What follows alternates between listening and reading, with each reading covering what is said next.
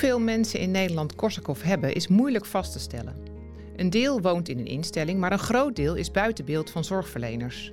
Ze mijden de zorg, leven vaak in isolatie en verwaarlozen zichzelf. Ze zijn onzichtbaar in onze maatschappij. Het gevolg is dat deze groep mensen vaak niet de juiste zorg op het juiste moment krijgt. Soms is het dan al te laat. Daarom is het zo belangrijk om zo vroeg mogelijk contact te krijgen met deze groep. In deze podcast uit de serie over Korsakoff praat ik met Hans Evers, sociaal-psychiatrisch verpleegkundige bij Tactus, een organisatie voor verslavingszorg. En met Gert de Haan van cliëntenorganisatie Het Zwarte Gat. Peter Barissen kreeg de diagnose Korsakoff. Later bleek dat onterecht. Hij vertelt over de hobbels in zijn zoektocht naar de juiste zorg en wat hij nu voor mensen zoals hij kan betekenen. Welkom, Hans en Gert. Peter horen we straks. Ehm, er zijn in Nederland naar schatting tussen de 8 en 10.000 mensen met uh, Korsakoff, waarvan er ongeveer 1500 in een instelling wonen. Ehm, er zijn dus heel veel mensen niet in beeld. Uh, Hans, kun jij eens vertellen, wie zijn dat? Welke mensen hebben we eigenlijk niet in beeld? Dat is een rare vraag natuurlijk. Maar... Ja, of het een rare vraag is, dat weet ik niet. Die mensen die we niet in beeld hebben, die wonen meestal nog gewoon thuis of op kamers. die huren een kamertje bij een, bij een pand, bij een, zeg maar, een, een commerciële verhuurder. Ehm, die hebben nog geen diagnose gekregen. Ehm, die hebben dus officieel ook geen Korsakoff, eigenlijk. Maar komen wel in beeld via allerlei zeg maar, zorgen die er kunnen zijn via de wijkagent, uh, via buren, familie, de huisarts, soms als die in beeld is. Het kan gewoon mijn buurman zijn of mijn buurvrouw eigenlijk. Ja, uh, dat kan. Ja. Of via de woningstichting, uh, de gemeente kan bellen. Uh, we gaan erop af, we gaan kijken wat er aan de hand is. we hebben nog geen idee van de diagnose, maar die kunnen wij niet geven. we kunnen puur erheen gaan op basis van, van gedrag wat men laat zien. En later komt er wel uit naar opnames en naar diagnostiek dat er wel een kostenkof onder zit. -hmm. En wat voor gedrag heb je het dan over? Wat, wat laten mensen dan zien? Mensen kunnen niet meer hun leven organiseren. Uh, mensen die, die, die hunzelf uh, verwaarlozen, die verkommeren. Uh, ja, zeg maar gewoon het, het, het, leven niet meer kunnen organiseren eigenlijk voor hunzelf. Mm -hmm. Niet meer eten, alleen maar drinken. Maar dat, die zijn natuurlijk, ja, over het algemeen uh, hoeven die dus niet, niet, inderdaad dat zichtbaar te doen, maar dat moet op een gegeven moment opvallen. Ja, dat valt op. Uh, wat ik al zei, via de buren soms, die van me klagen over de versmering van de woning of van een tuin. Uh, maar de laatste iemand, en dat was wel heel leuk om te vertellen, uh, die ging iedere dag bier halen bij de Aldi. En die was daar al een week of twee niet meer geweest. En het personeel heeft ons gebeld om te zeggen van nou, maak ons toch wel zorgen, want deze man kwam echt iedere dag langs. En nu al lange tijd niet meer. Hij woont daar ongeveer in die buurt. En toen zijn we gaan speuren en deze man wel kunnen vinden. Zo. Ja. Dus op, zich, op, ja. die manier komen er meer ja. mensen in beeld dan mensen soms denken. En je hebt natuurlijk ook wel een aantal dak- en thuislozen die, die zeg maar de verschijnselen hebben. Mm -hmm. Die zijn volgens mij nog moeilijk, moeilijker op te sporen. Ja, dat klopt. Ja. Wat we wel doen, we gaan aansluiten bij de, de, de zeg maar, winteropvang in Enschede. Mm -hmm. Dat is een plek waar mensen, zeg maar, dakloze mensen kunnen slapen s'nachts. Uh, en daar gaan we ook s'avonds heen om te kijken wie ze daar aanmelden en wat er mogelijkerwijs mee aan de hand is. Mm -hmm. ja, ja. Want wat, maar, wat, wat tref je dan aan, uh, Hans? Want maar die mensen die willen eigenlijk geen zorg. Uh, die hebben zoiets van laat mij maar met rust. Uh, hoe krijg je dan toch contact met, met die mensen? Ja, dat is vaak de kunst. Want binnenkomen, dat lukt bijna niemand. de buren komen niet meer binnen. De huisarts, familie. iedereen, tenminste de deuren blijven dicht voor veel mensen.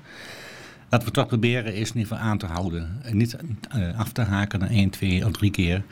Je gaat er vaker langs. Je gaat kijken op een andere manier kun je misschien binnenkomen.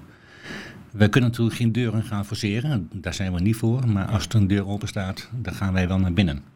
Ook al mag dat misschien niet van de wet. Maar ja. Er zijn weinig mensen die er wat van zeggen dan, denk ik. Ja. Maar ga, ga, je dan eerst door de brievenbus uh, vragen van uh, mag ik binnenkomen? Of hoe werkt het? Dat wel. We gaan wel aankloppen eerst netjes. Uh, we gaan op zeg maar, ramen tikken. Ehm, Soms gaan we rondlopen, kijken wat er achter de woning is, of daar een schuttingdeur open staat. Uh, is er een balkon en staat er een, een ladder in de buurt, dan gaan we wel een keer gewoon kijken op die ladder. Om te kunnen kijken op het balkon en van daaruit de kamer in. Dus creatief. Ja. En, en, wat doe je dan? ik ken het vanuit de andere kant. Ja, we doen eigenlijk helemaal, helemaal niks in het begin. Nee. Als we al meteen wat vinden van een situatie, dan hebben we meteen weer een mening. En dan liggen wij eruit, heel simpel gezegd. Dus vinden wij het een rommeltje, dan ja. is dat misschien wel de waarheid, maar dan niet meteen dat je dat de eerste keer moet gaan meenemen. Ja. Het doel van de eerste keer is dat je weer mag terugkomen. Meer niet, minder ook niet. Ja. Want Gert, uh, jij hebt een, uh, het Zwarte Gat opgericht. Hè? Dat is een cliëntenorganisatie voor mensen met... Met een aantal anderen, ja. Met Een, onder andere alcoholverslaving en uh, Korsakoff. Um, ja, dat was toen nog niet zo in beeld. Het ging, het ging met name om... Het was in de jaren 90, begin 2000. Ging het over, met name over drugsverslavingen en alcoholisten zaten er wel bij. Maar echt Korsakoff, die, die mensen waren toen niet zo actief omdat het opgericht is vanuit het perspectief van cliëntenraden. En dat is een hele andere regeling. Dan moet je vergaderen en dan moet je dingen doen. En langzamerhand komt dan wel Korsakoff in de kijker. En dan kom je echt tot een hele merkwaardige conclusie dat de verslavingszorg. Ik bedoel, tactisch, die doet er, doet er gelukkig wat aan, maar dat de verslavingszorg eigenlijk niet weet wat ze ermee moet. Met mensen met Korsakoff. Want ze, ze, ze, ze luisteren niet naar regels, ze wijken af van patronen. Uh, ze komen niet op een bureau om netjes te praten. Dus wat moet je er dan mee met de verslaving? Dat is een hele nette, witte, middelklas uh, benadering van mensen die problemen hebben. Wat, wat kunnen jullie betekenen voor uh, patiënten en, en Nou ja, dit, dit soort dingen, weet je wel, in je achterhoofd. Dan zit je met name, er heel veel, zijn heel veel wetten de laatste 20, 30 jaar gekomen. Die de positie van cliënten behoorlijk verstevigen in het spel van wat voor beleid moet er komen, wat komt er van terecht? Wat voor onderzoek moet er komen? Nou dat is zeg maar de formele kant. En de andere kant is dat, dat is wel laatste, toch wel de laatste 15, 20 jaar heel erg sterk opgekomen. Dat er veel, ik weet niet of jij ermee te maken hebt, heel veel ervaringsdeskundigen komen, komen opzetten. Het zijn toch mensen die of verslaafd zijn geweest of het andere problemen hebben gehad.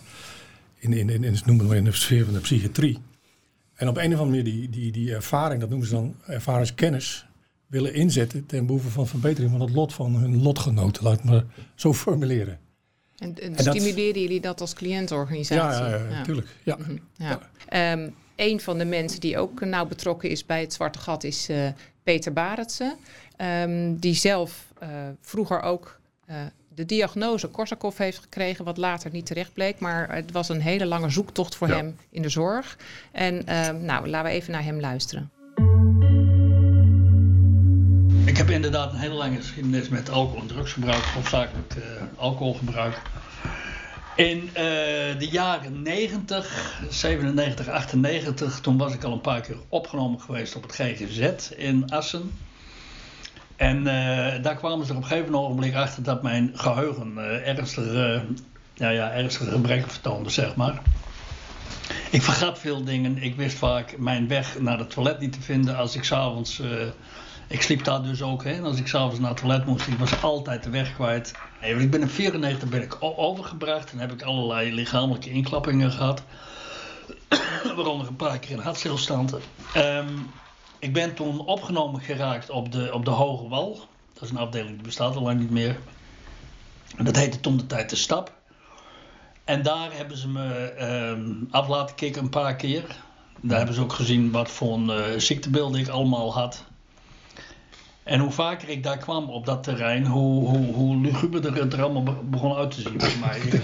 Ja, nou ja, god, ze waren continu met, met, met eh, termen aan het schermen van uh, borderline, NPS, meervoudige persoonlijkheidsstoornis, schizofrenie.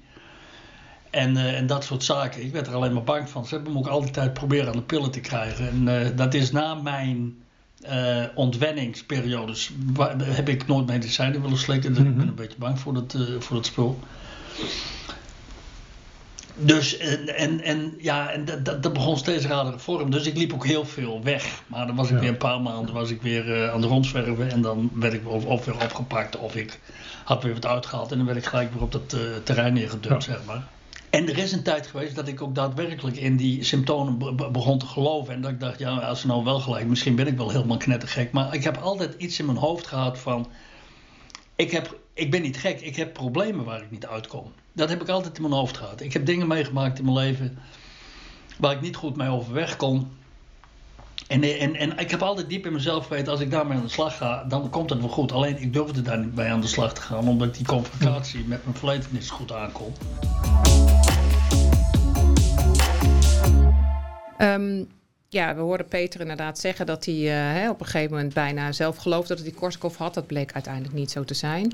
Uh, nou is Peter wel in, in beeld gekomen hè, van, van de zorg. Dat vertelt hij al, dat het een hele moeizame tocht was uh, voor hem. Dus in die zin is het iets anders dan de groep waar jij mee te maken hebt, Hans. Maar um, het feit uh, dat het zo moeilijk is om een uh, diagnose te stellen, uh, dat blijkt wel bij, bij Peter. Um, Gert, waarom is het zo moeilijk om, om een diagnose te stellen of het wel of niet Korsakoff is? Omdat het heel erg lijkt op andere neurologische stoornissen. Ik ben, ik ben van oorsprong een logopedist geweest. En ik heb lang met, uh, nou, met afasie en met moeten werken. Veel verschijnselen zie je daar ook in terug. En, en weet je, dat noemen ze dan heel netjes de differentiaaldiagnose van hoe onderscheid je nou een afasie of een van bijvoorbeeld Korsakoff of een andere neurologische stoornis. Dat is best lastig. Dan moet je de voorgeschiedenis weten, dan moet iemand helder bij zijn hoofd zijn. En dan nog moet het van de omgeving voor een deel komen. Van, zou het, weet je wel, kunnen komen door een B1-deficiëntie. Wat, wat, wat, gebeurt er als mensen uh, niet de goede diagnose en, uh, en zorg krijgen? Wat denk je? Dan, dan, net als ieder ander, of je wordt opstandig, of je verslonst, of je, je zoekt je eigen weg op jouw manier. Maar je, je raakt het pad, het pad kwijt wat de maatschappij je eventueel zou kunnen bieden. Als ik het zo mag zeggen, snap je wat ik bedoel? Mm -hmm. het, het is in Nederland redelijk redelijk georganiseerd in de zorg. Als je je voegt naar de dingen die er zijn, dan kun je wel ergens terechtkomen wat goed is. Maar als je net, net afwijkt, of net het verkeerde stempeltje krijgt, of dit of dat, dan pas je niet in een hokje. En pigeonholing noemen ze dat in het Engels. Dus een duivel tillen, je de verkeerde gat van de duiventil. Dan, dan, dan, dan ben je verloren, bijna. Zie jij dat ook, Hans? Dat dat het veel mensen zijn ook wel die al een heel traject in de zorg hebben doorlopen? Of zijn het juist mensen die zich heel erg alleen maar onttrekken aan de zorg? De mensen die, eh, die wij hebben, uh, wat we wel eens tegenkomen, de mensen zeggen: Ja, ik ben al zo vaak daar en daar geweest, uh, toch weer afgehaakt. Niet de goede klik kunnen vinden met de hulpverlening. Ik vind het wel best, ik lig gewoon thuis en ik ga gewoon door met drinken.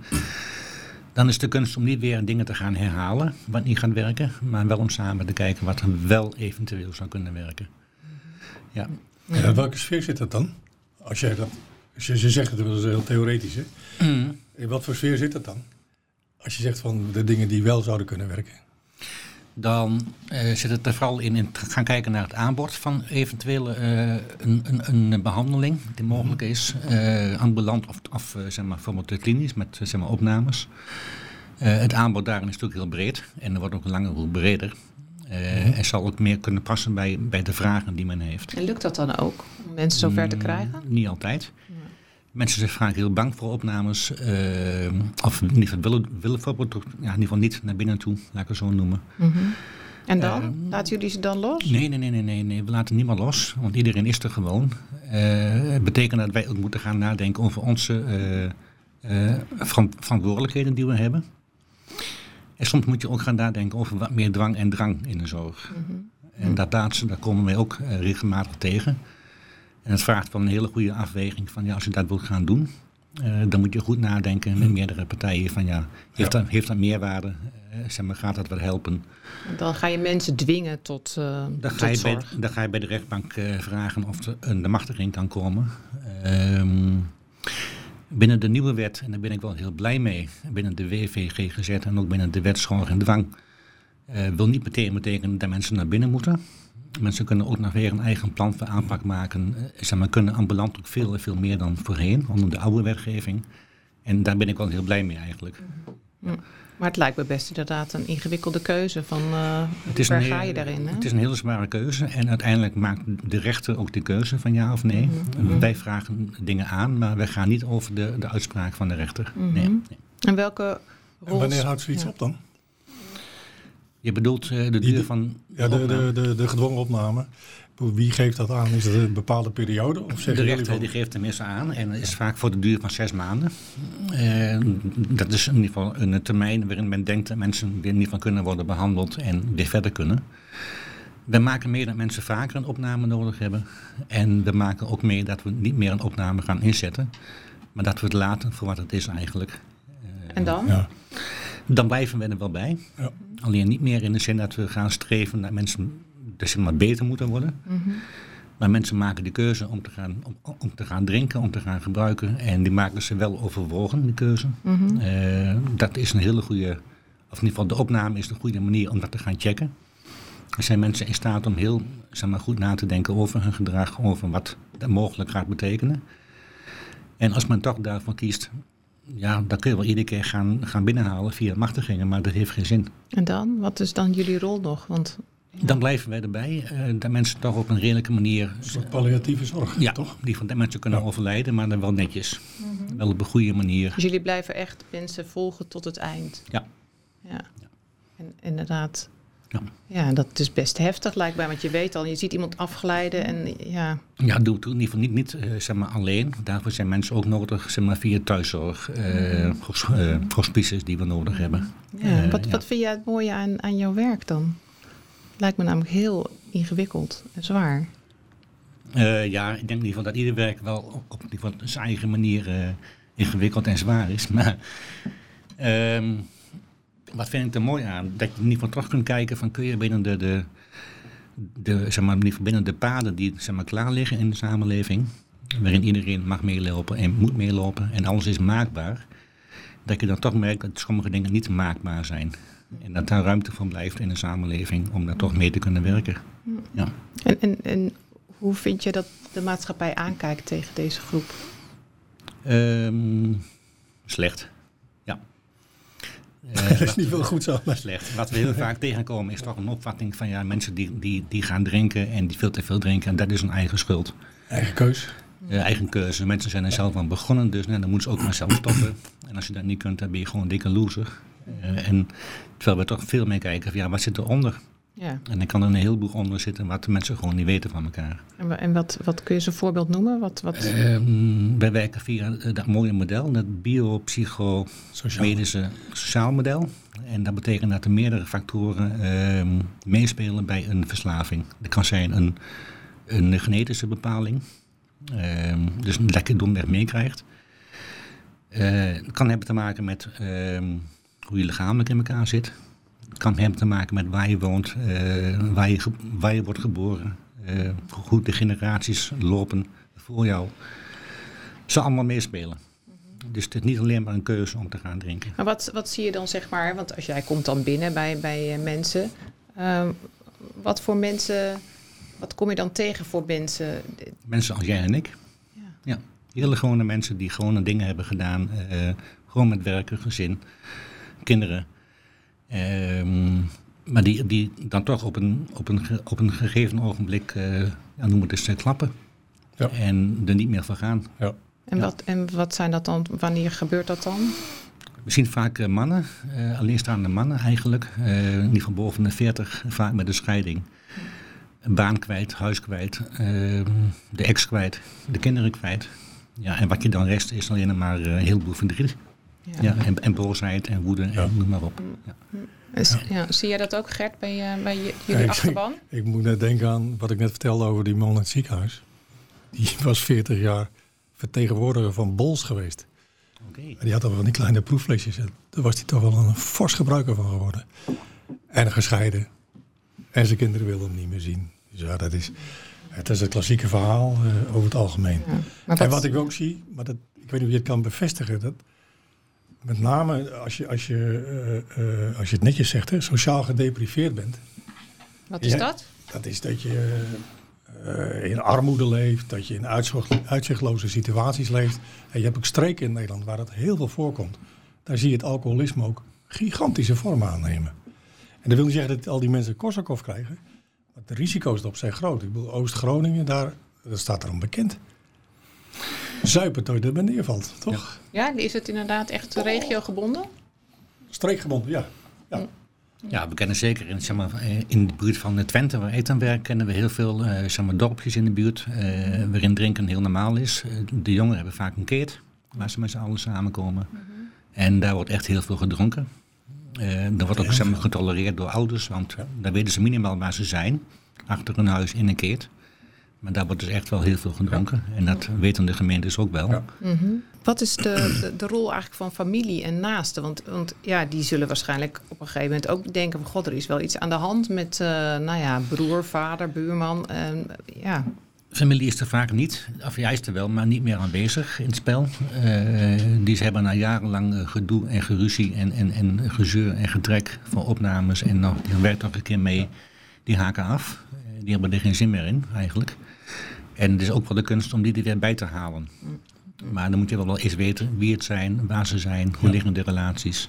Ja. Er is vaak een heleboel schade ontstaan uh, in, het hele, in het hele proces. Mm -hmm. Dus die mensen, zijn eigenlijk al een soort eenzaam. Ja. Vaak wat je ziet. Ja. Klopt. Ja. Zoals, zoals Peter, die, die je net liet horen. Dat weet ik toevallig omdat ik er was bij ben geweest. Die, die is tot zijn, ik meen zijn 38ste behoorlijk uh, aan de alcohol geweest. Of 42. Mm -hmm. En toen heeft het twaalf jaar geduurd voordat hij weer zijn familie durfde op te zoeken. En hij is goed geworden met zijn ouders, met één zus, maar één broer wil nog steeds niks van hem weten. Het is al 30 jaar geleden. Ja. ja. ze maken wel veel kapot hoor. Ja. Ja. ja. ja. Heftig. Ja.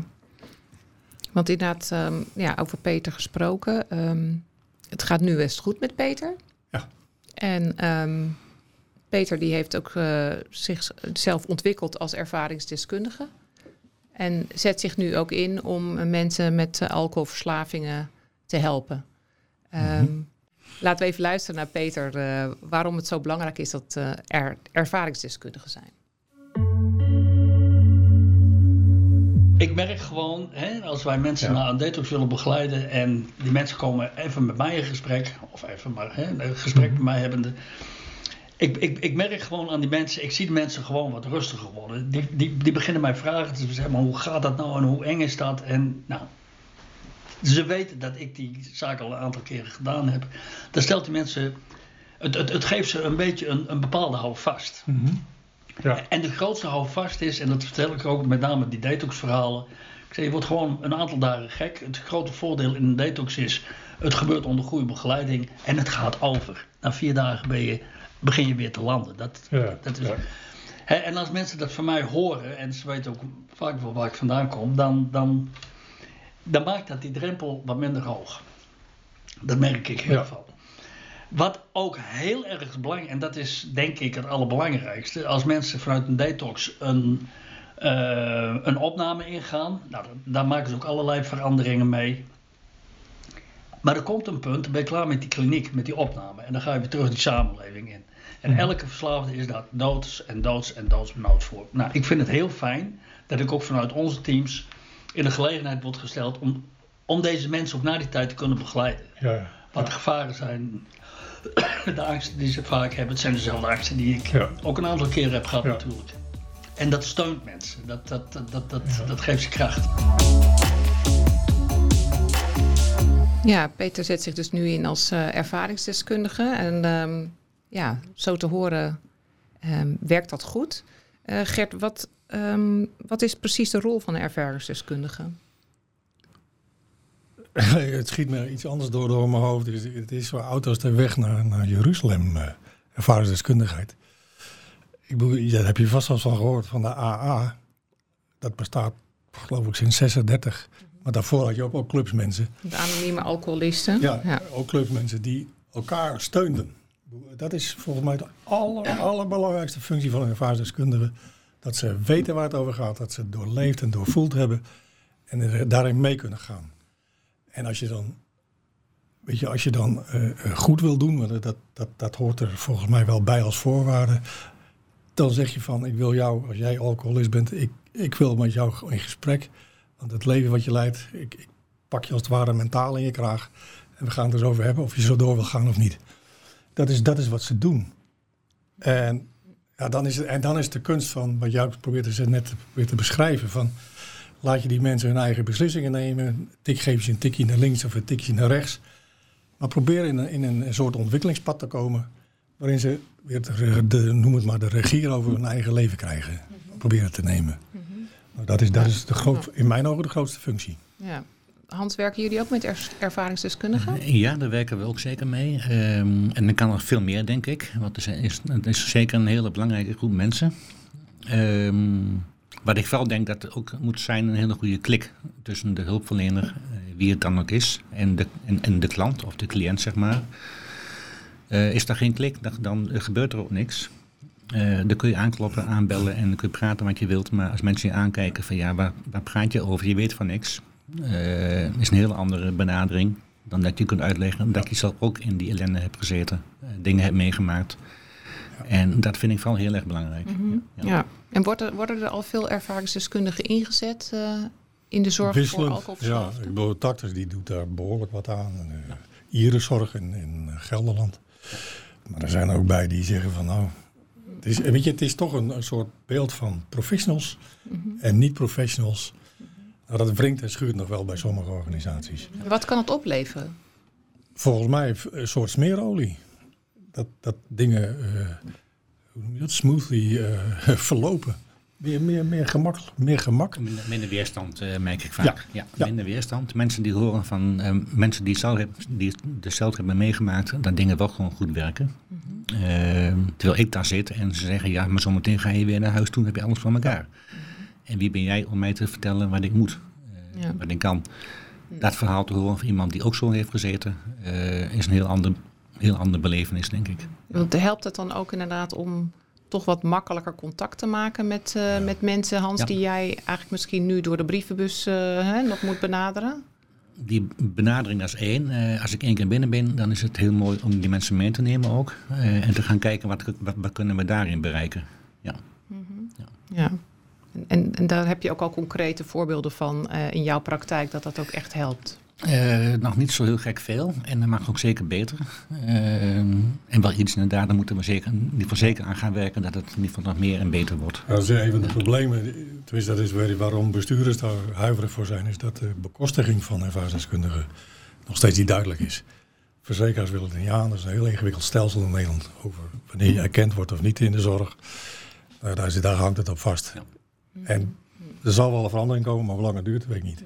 Maar eigenlijk hoor jullie allebei hier wel een pleidooi houden om uh, ervaringsdeskundigen misschien meer in te zetten. Ja, zeker weten. Om dan te zorgen dat er de mensen in ieder geval in beeld te krijgen, maar ook als ze in beeld zijn, om ze sneller naar de juiste zorg uh, toe te leiden. Ja, weet je, en, en zorg is, is natuurlijk eindig.